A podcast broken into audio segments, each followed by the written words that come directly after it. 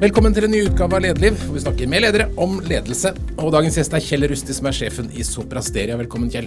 Tusen takk for det. Du har liksom klatret ned, for Soprasteria er veldig høyt oppe i Oslo. Ja, vi er jo på det høyeste bygget i Oslo, så det er vi veldig glad for. Er Men, men du har det ikke så verst, du heller? Nei, det har det greit, men, men du, dere er altså i det som heter, kalles Posthuset. Er dere på toppen? Ja. Vi har eh, de fire øverste etasjene, og så har vi et par etasjer litt nede i bygget også. For Soprasteria er et konsulentselskap som har blitt ganske stort. Hvor mange mennesker er dere? Ja, nå har vi passert eh, 3000. Vi hadde allmøte i dag, så da var det totalt eh, helt ferske, oppdaterte tall. Da var det ikke samme rom. Da hadde vi litt folk i samme rom, og så nesten alle digitalt. Ja. Og for de som ikke kjenner dere, hva er det dere driver med? Ja, vi har profilert oss som Norges ledende konsulentselskap innen digitalisering, innovasjon og eh, bærekraft. Og det er ganske svulstig å være ledende innenfor alle de tingene. Ja, det er klart, men eh, det er klart når du er 3000, så har du i hvert fall eh, den eh, ledelsen på den måten at vi har størst populasjon, størst antall ansatte, og så har vi hva skal vi si, et god gjennomslag i både næringsliv og offentlig forvaltning på digital omstilling. Og hva er digital omstilling? I dag er det veldig mye innovasjon, nyskaping, modernisering, skape fremtidens virksomhet. Og vi sier skape fremtidens virksomhet raskere, fordi vi skal påvirke. Vi skal ikke bare være der og gjøre en jobb, vi skal faktisk bringe våre kunder videre. Og så har jo det bærekraftbølgen truffet eh, kraftig nå de siste årene. Å eh, være ledende innen bærekraft det handler ikke bare om det grønne skiftet, det handler om inkludering, det handler om det å være en samfunnsengasjert virksomhet. Så det, vi mener vi har vår ord i behold. Og Det er to ord som går igjen i nesten alle lederlivintervjuer. Det er bærekraft og digitalisering. Men, og Dere har holdt med begge deler. Er, Ja. er det en sammenheng?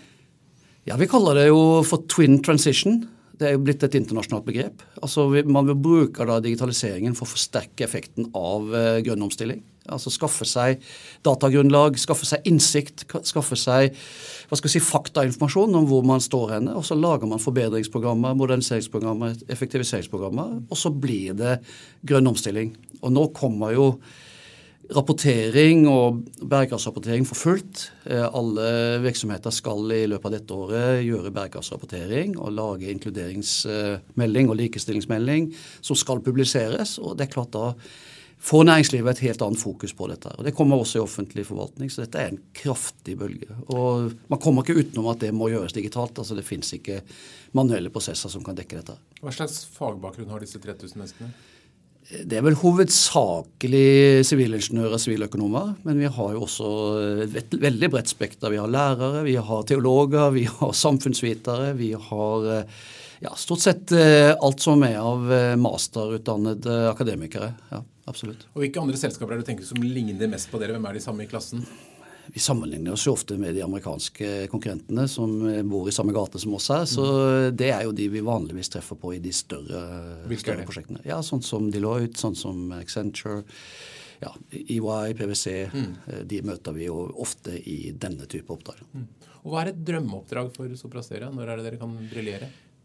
Altså, Vi har jo en voldsom bredde, så det, det er litt farlig å si tverrfaglighet. Men det å sette sammen god innsikt i eh, marked og kunder og verdikjeder med digitalisering, det har vært en eh, fantastisk eh, plass å være. Og vi har sett det på veksten vår de siste årene at eh, det er en enorm etterspørsel etter kompetanse innenfor det. Så et drømmeoppdrag vil jo være å påvirke en virksomhet sin framtid gjennom å digitalisere og effektivisere arbeidsprosesser og skape bedre resultater, bedre lønnsomhet, eh, økende markedsandeler. Så det er, det er vår, eh, vår kompetanse settes i arbeid da, for våre er, kunder. dere er en del av en stor internasjonal firma med 50 000 mennesker i 25 land. Er det slik at kundene da her får team med også folk fra andre land, eller er det stort sett eh, norske som jobber med norske Jeg vil si stort sett eh, lokalt eh, i veldig stor utstrekning, men vi har jo også kunder som har behov for internasjonale hva skal vi si, erfaringer fra Tyskland, fra England, fra Frankrike, fra Italia.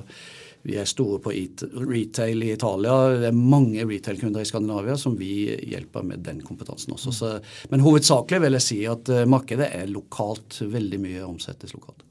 Er det noen prosjekter som du er spesielt stolt av akkurat nå? Ja, vi, Vanskelig å nevne spesielt ett prosjekt eller, no, eller noen prosjekter, men jeg kan si vi, vi deltar i det som er det, det grønne skiftet eller omstillingen i Equinor. Og For ett år siden så var vi nesten ikke til stede i Equinor. og Nå la de jo fram fantastiske resultater i dag. så eh, vi, vi er der nå med mer enn 130 konsulenter og hjelper de med alt fra ERP, logistikk, verdikjede, til digitalisering av produksjonen, til modernisering av de operasjonene som skal foregå når de skal eh, jobbe med vindmøller og fornybart i stedet for med olje og gass. Mm. Så det, det, er kjempe, kjempespennende, og det syns våre folk også er gøy. Og så på den annen side så hjelper vi jo eh, en god del av de store offentlige virksomhetene i Norge som som lager publikumstjenester. Vi, vant en kjempestor avtale for Statens vegvesen bare for noen få uker siden. og eh, som skal eh, modernisere måten de møter publikum på. Måten du registrerer bilen din, måten du fornyer førerkortet ditt. Og, altså Alle disse tingene skal digitaliseres, så man slipper å gå på veistasjonen. Mm. Og det er fantastisk spennende moderniseringsoppgaver som det norske samfunnet trenger. Er det slik at du typisk har da konsulenter sittende ute hos kunden? I, stor utstrekning. Men det er klart, eh, vi har jo merket det nå i forbindelse med, altså siden pandemien at eh, kundene er også veldig fleksible på hvor folk kan jobbe fra. Mm. Og det har også eh, gjort noe med vår virksomhet. Vi kan faktisk ha konsulenter som sitter både i Tromsø og Fredrikstad og for så vidt i utlandet også, og jobber med norske kunder sømløst. Er, men hovedsakelig foregår prosjektene hos kunder. Vi er nødt til å være kundenære og forstå kundens situasjon. Det er veldig, veldig viktig. Mm. Du er en godt voksen mann. Til og med For noen år siden så ble du nevnt som den lengstsittende topplederen i stort norsk konsulentselskap. Jeg regner med at du ikke har mistet den posisjonen? Nei, jeg tror det er vanskelig å ta den.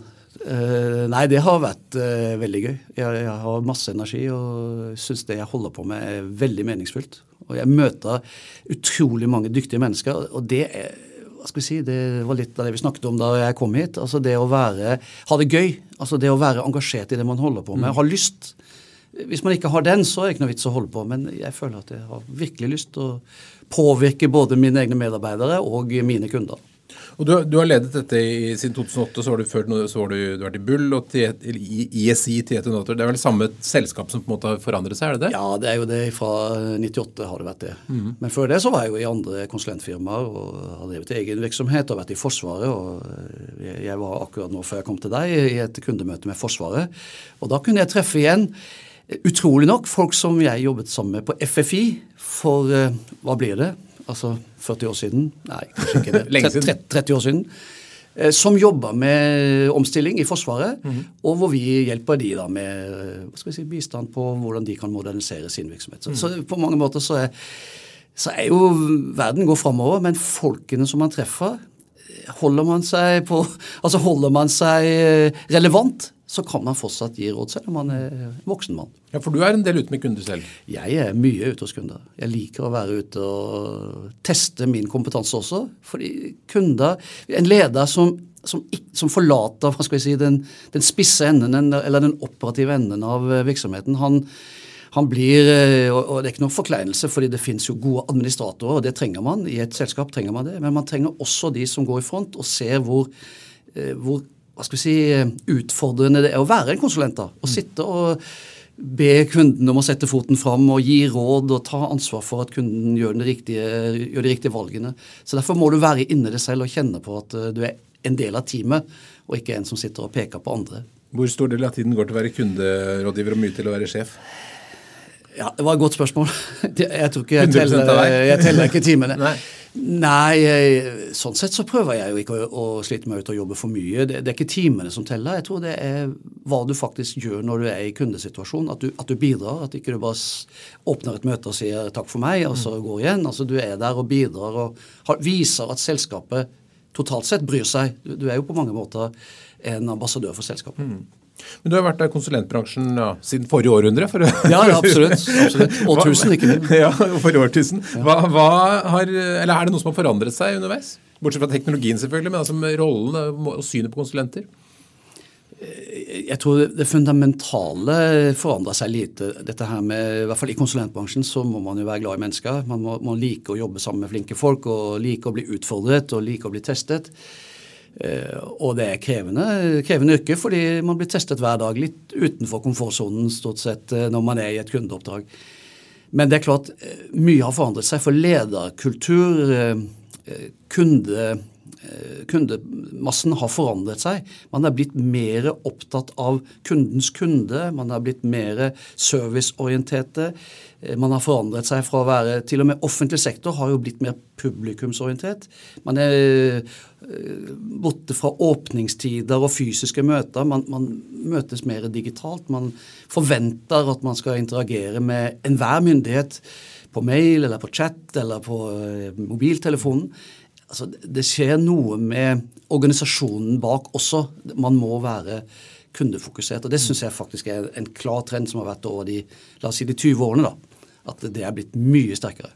Men Det er en ganske stor uh, bransje, men når man ser den omtalt i media, så er det ofte med sånn negativt fortegn gjerne for offentlige uh, virksomheter har brukt så og så mange hundre millioner på konsulenter og huff og huff. Hva tenker du om det? Ja, Det er jo en utfordring for bransjen å snakke litt om. fordi jeg er helt sikker på at alle de konsulentoppdragene og alle de konsulentene vi gjør, det, det gir verdi til kunden. Eh, og vi, vil, vi, legger ikke bare hva skal vi si, hjernen og, og hva skal vi si, løser oppgaven. Vi går inn i det med, med hjertet også. Vi mener virkelig at vi skal påvirke kunden i riktig retning så er det jo et faktum at noen prosjekter går dårlig, det blir dårlige resultater. og det, Jeg tror eh, vi kan ta litt av skylden, men også kundene må, må dele skylden for det. fordi man har satt i gang ting som kanskje ikke er så godt gjennomtenkt. og Kanskje konsulentbransjen må være flinkere til å si fra også om det. da. Men har det vært noen pendelbevegelse på, si, eller Jeg har inntrykk at det er pendelbevegelse på om ting, f.eks. offentlige etater, om man skal bygge opp sine egne avdelinger, eller om det skal settes ut eller inn eller ut? ja, det, sånn. Når man har holdt på så lenge, så ser man de trendene svinger fram og tilbake. Mm. Hvor blåser vinden akkurat nå? Akkurat nå så har det vært en ganske klar tendens til at kundene vil bygge opp egne, i hvert fall offentlige, vil bygge opp mye egen kompetanse.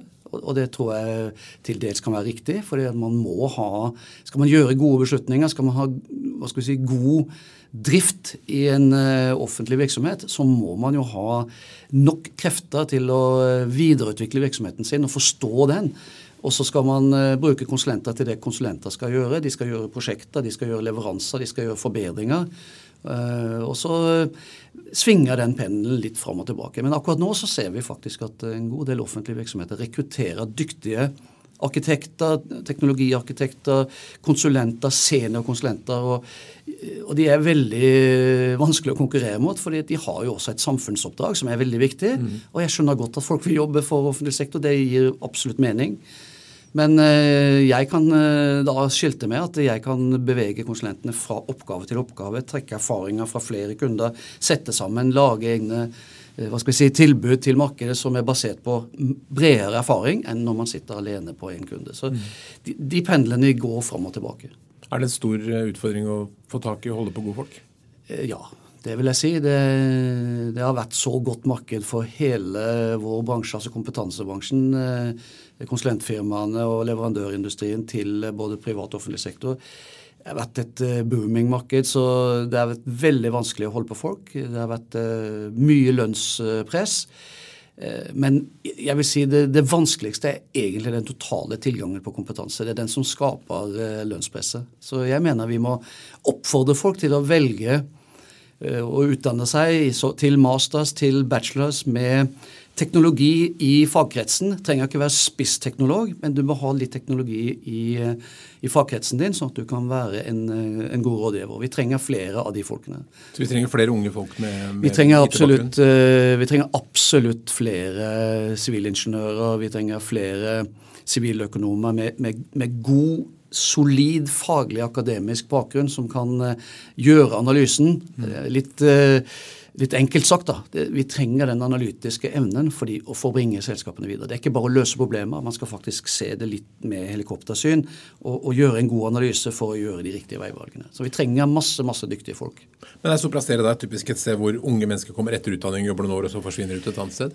Det har jo vært en klar trend. Vi ansetter jo i, fjor, da, eller i 2022, da, i august, så tok vi imot 285 eh, graduates, som vi kaller det, rett fra høyskolene. Og så bruker vi et treårsprogram på å utdanne de til å bli dyktige både fagfolk og eh, det vi kaller for consulting skills. Det å kunne løse en oppgave, altså oppgaveløsning, presentasjonsteknikk, forstå marked, kunder. Eh, og Det er klart, det er jo etter da de har vært hos oss i tre år og fått den eh, grunnutdanningen og kanskje vært innom en tre, fire, fem forskjellige kundeoppdrag, de, de er veldig attraktive i næringsliv og offentlig forvaltning. Og på en måte er det hyggelig, fordi da viser vi at vi utdanner folk til det riktige. På den annen side så er det jo litt tungt for oss, da, for da må vi begynne å investere på nytt igjen i neste kull. Men det er litt av greia, altså. Så, så, vi må bare jobbe med det vi kan påvirke, og skape oss et godt arbeidsmiljø, godt klima, god karriereutvikling internt, sånn at vi holder på folkene. Hvilke egenskaper er det du prøver å gi dem for at de skal lykkes som konsulenter? Altså det, det, er en, det, er et veldig stort spørsmål. fordi eh, Konsulenter de må for det første ha en, en solid faglig fundament. De må kunne et fag veldig godt. Det, det, kan være si, innenfor teknologifag, det kan være innenfor ledelsesfag, det kan være organisasjonsutvikling. Altså Man må ha et, et solid faglig fundament. Og så må man på toppen av det ha en god eh, hva skal jeg si, markedsforståelse. Eh, forstå at eh, din oppgave skal inn i et økosystem. Din kunde har en verdikjede. din den oppgaven du skal løse, den skal faktisk skape en verdi for kunden i et eller annet ledd i den kjeden av prosesser som en, som en virksomhet har. Og det å lære folk det, at de ikke bare være god på fag, men faktisk sette faget i, et økosystem, veldig viktig. Også dette her med menneskekunnskap. Det å eh, forstå at når du skal kjøre et møte eller kjøre en samtale, så er det også en mottaker på andre siden som skal forstå det du formidler. Og du må være situasjonsbevisst. Du, du, må forstå hvilken situasjon du sitter i. Mm. Så, så, det er mange egenskaper du skal lære deg. og Det, det, det er ikke gjort på eh, kort tid. Det er derfor no, noen av våre beste konsulenter er også de mest erfarne. Fordi de, de har dette her i blodet. Mm. Og så For en tid siden så kjøpte dere også opp et kommunikasjonsbyrå og gikk litt inn i si, vår bransje. Ja. Hva Er det en trend nå at de store konsulentfirmaene skal også inn på kommunikasjon? Ja, Det har jo vært en uh, klar internasjonal trend. Og eh, såpass det jeg har gjort det i andre land, og nå gjorde vi det i Norge. Eh, fordi vi har lyst til å treffe kunden også på litt andre arenaer. Kanskje før man har oppdaget at man har et digitaliserings, eller en digitaliseringsutfordring. Eh, kanskje bare rett og slett jobbe med posisjonering, brand. Hva er det vi egentlig vil oppnå med vår virksomhet? Altså komme litt mer i tidlig fase.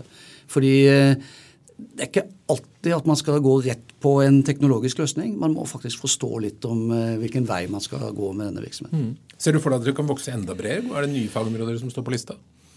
Ja, det er det absolutt. Jeg, jeg, ser mange mange muligheter som jeg ikke har tenkt å fortelle om alle detaljer på. Men, jeg, men internasjonalt, hva, skjer? Altså det, Vi har jo sett at de tradisjonelle Eh, hvis vi tar en reise, da, De, de tradisjonelle IT-konsulentselskapene sånn som var tidligere, de gikk da i retning av rådgivning, altså forretningsrådgivning, sånn som vi har gjort. De har gått i retning av kommunikasjon. De har gått i retning av spissing på f.eks. bærekraft, som også vi har mm. gjort. Altså de, de kjøper på seg typisk mer ledelseskompetanse. Eh, vi har sett internasjonalt at eh, noen selskaper har gått i retning av engineering. Eh, det kan være en trend. Jeg vil tro at det er ganske nærliggende. For det er litt samme forretningsmodell, men på et litt annet fagområde. Bygge jernbane og veier og broer og sånt. Det er litt annerledes enn å bygge teknologi og prosesser. Men eh, i bunn og grunn så er det litt av de samme hva skal vi si, driverne i, eh, i markedet. Så jeg kan godt se men Kunne dere gå mot juss eller revisjon? eller denne? Det, det, kunne vi også ha gjort, men der er det litt mer sånn legale problemstillinger. Altså Går man inn på revisjon, så er man avkuttet fra å gjøre rådgivning på de samme kundene, f.eks. Og går man på juss, så kan man ofte ende opp i sånn, hva skal vi si eh, ja, Litt av den samme problemstillingen, at man, man representerer en part mer enn en, en løsning. Mm. Ja. Eh, når man skriver, leser om konsulenter, så brukes det ofte sammen med adjektivet dyre. Det dyre konsulenter. Hvordan er prisutviklingen vært i de alle årene du har vært? Nå skal vi kanskje gå i kroner akkurat, men, men er det like lønnsomt å drive konsulentvirksomhet nå som det var før? Eh, det, har vel aldri vært sånn kjempelønnsomt eh, egentlig å drive konsulentfirma. Det, det, det, er bedre lønnsomhet i olje og gass og i telco og, og sånne bransjer. Men konsulentbransjen har en fordel. Den kan fornye seg hvert eneste år med med disse graduatene. Så hvis vi passer på eh, miksen av folk, så kan vi tåle at ikke prisene eksploderer. Sånn at eh, vi er ikke i nærheten av advokatene, men vi er heller ikke på sivilingeniørene i, i, bygg, som er etter min mening altfor billig. Så vi, vi, plasserer oss et godt uh, stykke. Og prisutviklingen jeg følger egentlig markedet. Det har vært underskudd på dyktige folk, og da er også prisene på vei oppover. Mm. Men uh, nå kan vi jo se et litt tøffere år kanskje i 23, så vi er litt spent på hvordan, hvordan det blir framover. da. Men jo. da får vi jobbe med de tingene vi kan jobbe med. Vår produktmiks, f.eks. Mm. Ja. Du har jo IT-bakgrunn, studert, studert informatikk og kan det. Når var det du så for deg at du også skulle bli en, eller, bli en leder? Altså, Da jeg var 18-20 år, så gikk jeg på Blindern på informatikk. Og det, det, er jo en forskerutdannelse, egentlig. Altså det På universitetet det er jo eh, ikke sånn som det er i dag. Eller jo, det er kanskje det i dag også, men eh, det er ikke en sånn eh, profesjonsutdanning. Dette her er en forskerutdanning. Så jeg skjønte jo det mens jeg gikk der, at jeg må ha noe mer kommersielt. Så jeg tok en siviløkonom mens jeg gikk på Blindern, for nettopp å lære meg litt om bedriftsøkonomi og om hva skal vi si, næringsliv. Og det har jeg jo aldri angret på. Fordi man må alt det man lærer seg av teknologi og eh, den forskerutdannelsen med, med, god teknologiforståelse Hvis du klarer å sette den i arbeid i, i næringslivet, i en bedrift, så er det dynamitt. Og egentlig det, det er oppsummeringen også på hvorfor Soprasteria lykkes. Fordi vi kan tilby kombinasjonen av ledelsesforståelse og bedriftsforståelse med teknologiforståelse. Og Da kan du løse veldig mange av de utfordringene som en eh, moderne virksomhet står foran. Men var det tidlig klart for deg at du ville bli sjef? egentlig vanskelig Jeg har vel vært der som alle andre ledere har vært. Man ble liksom eh, Elevråd, elevråd altså klassekontakt. Altså, skjønner du? Altså, jeg vet ikke hvorfor, men, men det, det, ble bare sånn. Mm. Ja, Og så har man jo etter hvert blitt mer moden. Jeg kan ikke si at jeg var moden for det med en gang, men uh, det er noe med det å påvirke, jobbe sammen med andre sette retning, eh, ha det ekstra initiativet i seg til å, til å liksom bidra til at folk flytter seg framover. Det, det, har jeg alltid hatt lyst til. Så det kommer kanskje av seg selv. Mm. Men eh, det er klart, eh, man må også ha lyst. Og, og veld, jeg syns det er veldig gøy å sitte i et møte og være en av teamet. Og så sette retning og, og, og skape verdi for kunder. Det, det, er nummer én. altså. Hvordan ønsker du at folk skal oppfatte deg som leder? Jeg var inne på det i stad. Altså, veldig mye bedriftsøkonomisk hjerne og hva skal vi si, analyse, men veldig mye med hjertet. Altså det å være en som bryr seg om folk. En som er nær, en som ikke beveger seg bort fra folk, men har lyst til å være en av teamet. Det, det, tror jeg, det, er liksom det jeg prøver å gjøre hver eneste dag. da. Mm. Nå har du 3000 mennesker under deg, du møter åpenbart ikke alle. Hvordan, hvordan eh, jobber du for å liksom få dine tanker og visjoner ut i hele organisasjonen? Ja, vi, som jeg sa, så hadde vi allmøte i dag. Ja. Så vi, da har vi 30 minutter som vi kaller en målmøte. Og du kan eh, formidle en god del av dine tanker gjennom et sånt eh, morgenmøte. Både hvordan du bygger opp programmet, men ikke minst eh, hvordan du formidler. Hvilke ord du bruker, hvilke tonefall du bruker, hvilken, eh, hvilken kraft du bruker. Så eh, jeg prøver å påvirke folk til å så, eh, I dag snakket jeg f.eks. om akselerasjon. Altså, Vi forventer at, eller vi har sagt til oss selv vi skal være med å skape framtidens virksomheter. Og så la jeg til vi skal skape framtidens virksomheter raskere. Altså, jeg vil at folk skal skjønne at uh, det holder ikke å bare sitte og gjøre jobben sin. Man må og liksom rekke opp hånda og si har du en oppgave til. Du, du, må skape den oppgaven. Du må drive kunden videre. Du må drive virksomheten videre. Og, og jeg snakker egentlig ikke bare til konsulentene som er ute. Jeg snakker til lederne. Jeg snakker til de som driver, jobber på HR, de som jobber på finans og økonomi du skal ikke bare gjøre det samme som i går, du skal faktisk drive prosessen et hakk videre hele tiden. Hvor ofte, så sånn hvor, hvor ofte har du sånne møter? Eh, hver annen måned pleier jeg å ha sånne allmøter. Så, vi, så hadde vi forrige uke lederforum hvor jeg snakka til eh, denne gangen ca. 400 ledere, mellomledere. Og hvor vi går eh, skal vi si, inn på litt av det samme, faktisk, for det er egentlig samme budskap hele veien. Det må være konsistent, det du snakker om, til både ledere og medarbeidere. Men kanskje vi går litt mer inn på hva lederens ansvar er. da. Og, det, det, er viktig for meg, for jeg, jeg har sett uh, både god og dårlig ledelse gjennom min tid i uh, tidligere karriere. Og da vet jeg at uh, lederen har en påvirkning på virksomheten, og da, og da må du være bevisst. Hvordan jobber du for at den halvtimen din skal bli bra? da? Og det er grundig forberedelse. Ja, du verden. Jeg eh, bruker voldsomt mye energi på eh, forberedelsen. Eh, selve gjennomføringen, den vet jeg, den, den, går av seg selv. For når du kommer i gang, så, så går det. Men jeg jobber mye med budskapet, ordbruken. Eh, hvordan et budskap bygges opp. For du må, du må, lage en storyline når du skal kjøre en, en god presentasjon. Mye PowerPoint? Ikke veldig mye PowerPoint, men noen PowerPoints. Eh, men da mest som sånn underlag. Eh, jeg, jeg hater de som folk skal lese, for da tar det oppmerksomheten. Jeg vil at de skal heller høre på det jeg sier. Så det er ofte bilder eller korte setninger med, med slogans. Sånn som 'Fremtidens virksomhet raskere', f.eks. Det er jo et bra slogan som mm. jeg vil at folk skal, skal, huske. og Da må man lese det i tillegg. Jobber du ikke alene, eller har du en kommunikasjonsavdeling som sitter og jeg har, en, eh, jeg har en kommunikasjonsavdeling som hjelper meg, absolutt. Og jeg klarer meg ikke uten det. Altså for, kanskje for 20 år siden så lagde jeg de eh, presentasjonene selv. Eh, men eh, der har nok kravene til kvalitet på selve presentasjonen økt gjennom, gjennom årene. Mm. Så, og særlig når vi har blitt stor virksomhet, så må man være veldig tydelig på budskapet. og Da trenger jeg hjelp fra kommunikasjonsavdelingen. Ja. Har du noen andre gode one-liners som du bruker akkurat, akkurat nå, annet enn Fremtidens virksomhet raskere? Ja, det var vel kanskje det med akselerasjon. Mm. Jeg fikk en sånn Vi har hatt noen workshops i ledergruppa vår om hva, hva, er, hva, er, hva, er, digitalisering? Hva er, hva er, bærekraft? Hva er innovasjon? Hva er endringsledelse?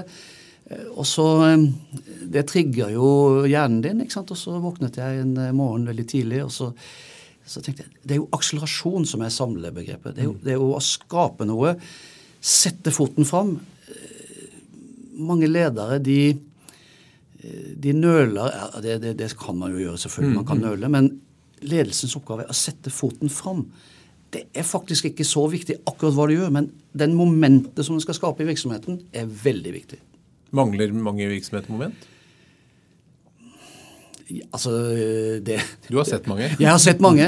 Jeg har sett mange ledere også. Og jeg er overrasket over hva man kommer unna med av eh, lite moment. Men eh, jeg kan ikke si at eh, de, de fleste mangler moment. Det, kan jeg, det har jeg ikke grunnlag for å si. Men jeg, jeg, ser hvordan dårlig ledelse og manglende ledelse gir seg uttrykk. Så man må være tydelig og aksjonsorientert. Men Hva tror du er grunnen? Er det, er det frykt da, for å gjøre noe? Eller gjør du feil? Nei, jeg vet ikke. Kanskje det at man, eh, som jeg sier til meg selv, og som jeg sier til mine ledere, vi må ikke bli fete og late og sole oss i fremgangen. Mm. Hvis du sovner i solen, så blir du solbrent.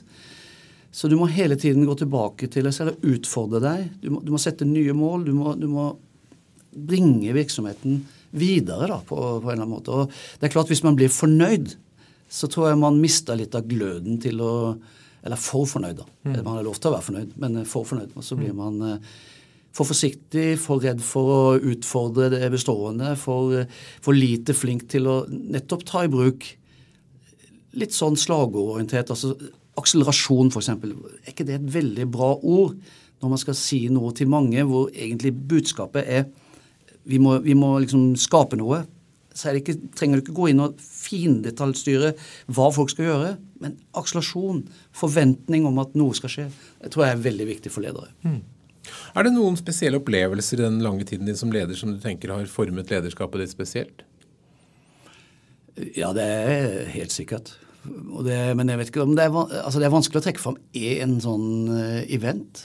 Men uh, jeg tror kanskje at uh, da jeg var ferdig med studiene da, er man jo liksom formet litt av det man har tatt utdannelse på. Jeg skulle ta meg jobb som eh, systemutvikler i et, i, i en, eh, et softwarehus.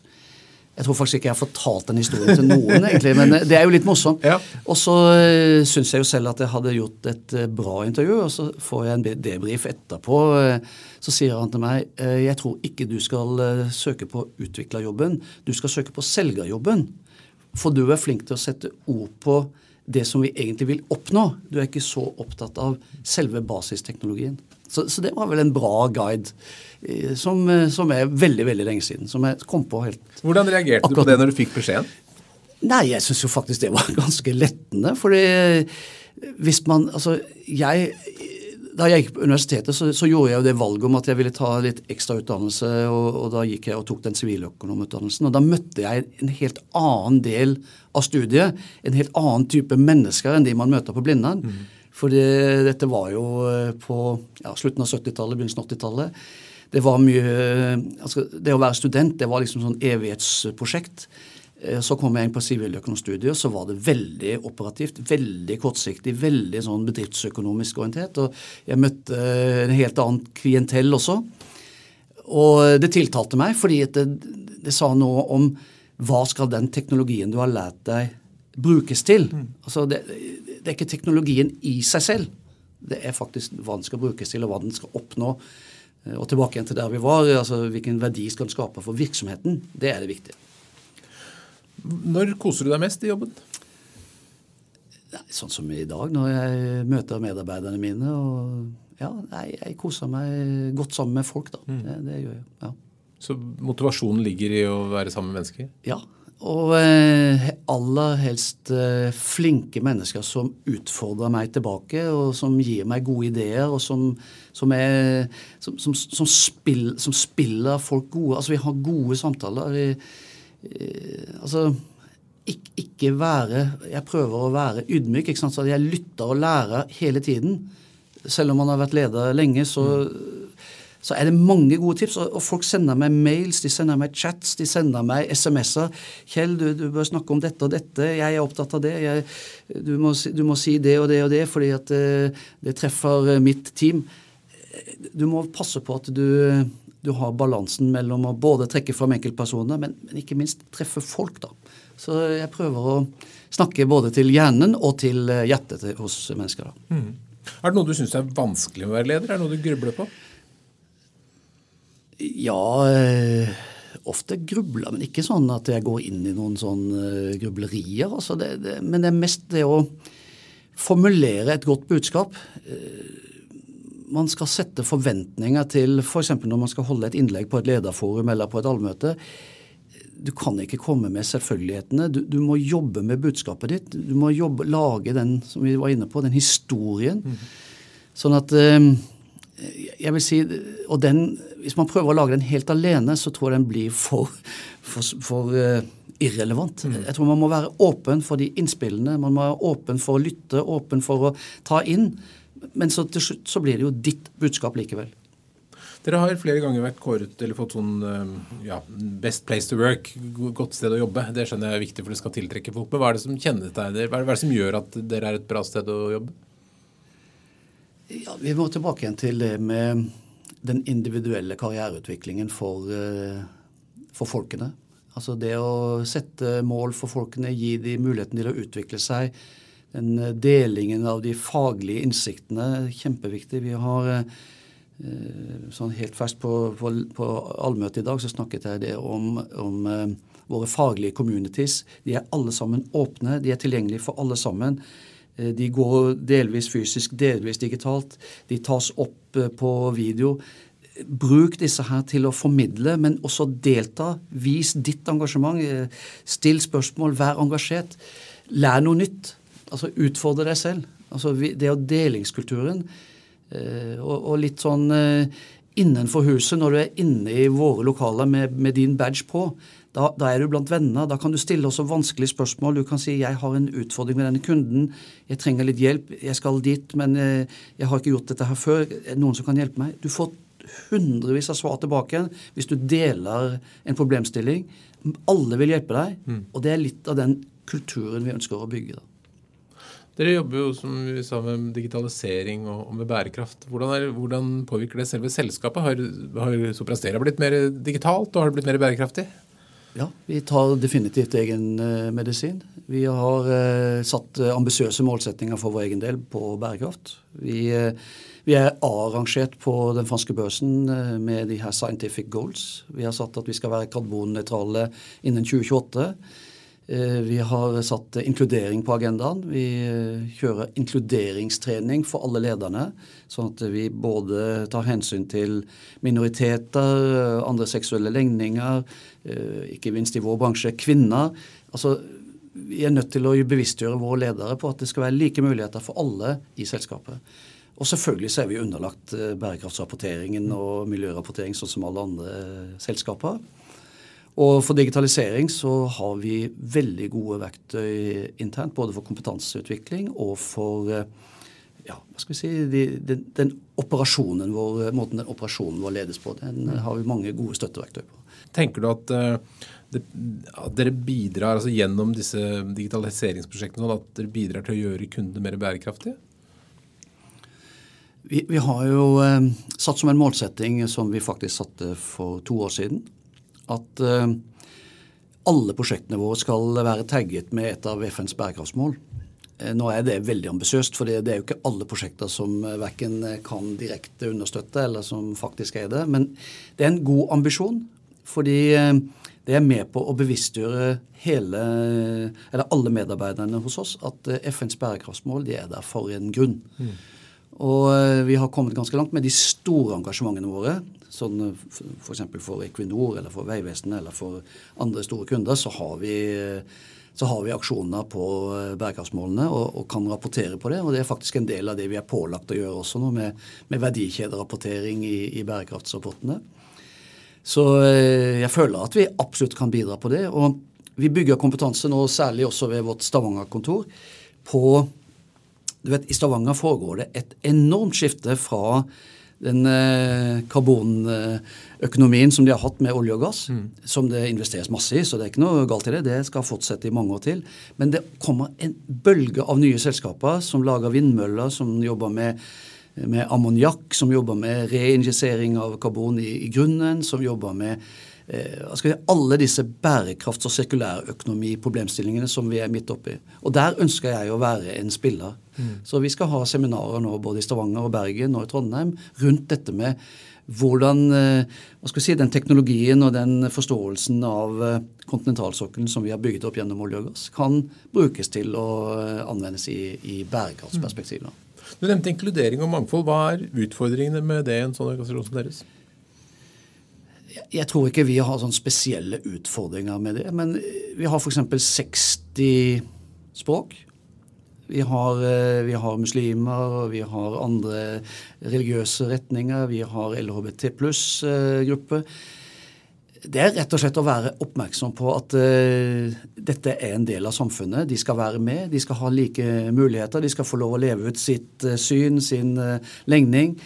Det er bare rett og slett å være oppmerksom, og derfor også dette her inkluderingskurset, for at folk skal forstå eh, at det er kanskje ikke så lett å komme fra Iran eller komme fra Marokko og jobbe i Norge og ha et annerledes navn. og eh, Man kan ha kanskje litt lav selvtillit, eller man må ha, kanskje ha litt spesiell oppmerksomhet, eller kanskje man ikke trenger det. Så det må balanseres ut, fordi jeg vil at alle sammen skal være like og ha like muligheter til å jobbe for oss og utvikle seg som faglige personer.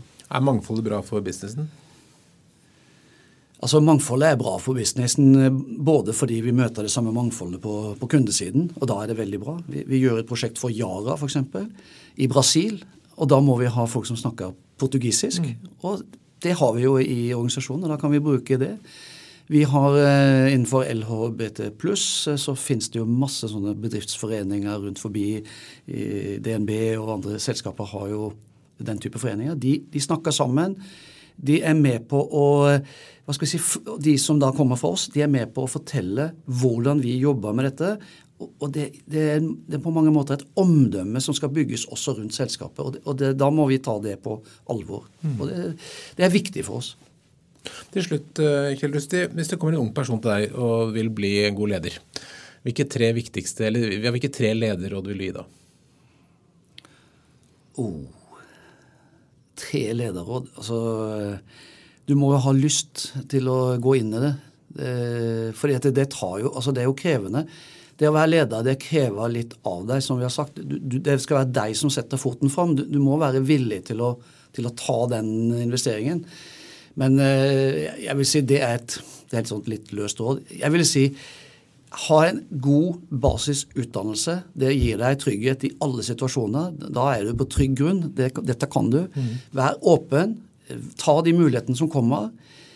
Jeg hadde en sjef en gang som fortalte det at eh, hans karriere var ikke en rett strek. Karrieren hans den gikk sånn. Og, og, og, sånn er det med min karriere også. Jeg har gjort feilvalg i min karriere, og så ombestemmer man seg etter en stund, og så er man tilbake igjen. Karrieren din er ikke en rett linje, den går litt sånn i bølger, men ta mulighetene. Ta risikoen, gå inn i det, og så gjør ditt beste, og ingen kan forvente mer. God råd. Kjell Vestin, tusen takk for at du kom til Lederliv. Takk for det.